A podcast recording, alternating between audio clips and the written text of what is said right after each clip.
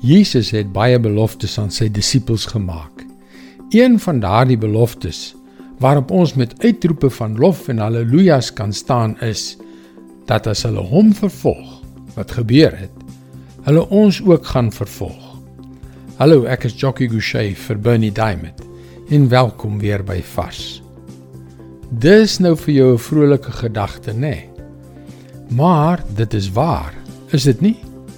In sekere lande soos die een waar ek woon, was dit vir Christene vir baie jare redelik maklik om hulle geloof uit te leef. Op ander plekke is hulle erg vervolg. Waar jy ook al woon, ongeag jou situasie, is vervolging reeds hier of is dit net om die draai?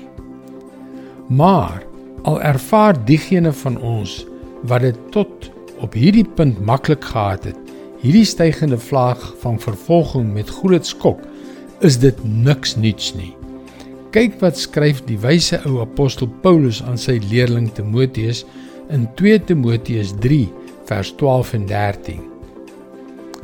Almal wat in Christus Jesus toegewy aan God wil lewe, sal ook vervolg word. Maar goddelose mense en bedrieërs sal voortgaan van kwaad tot erger.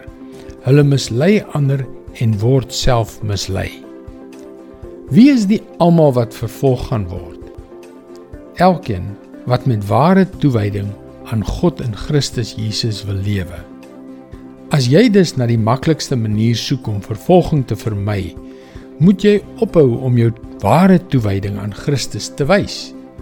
Jy moet maar net onopsigtelik bloot deel van die skare word.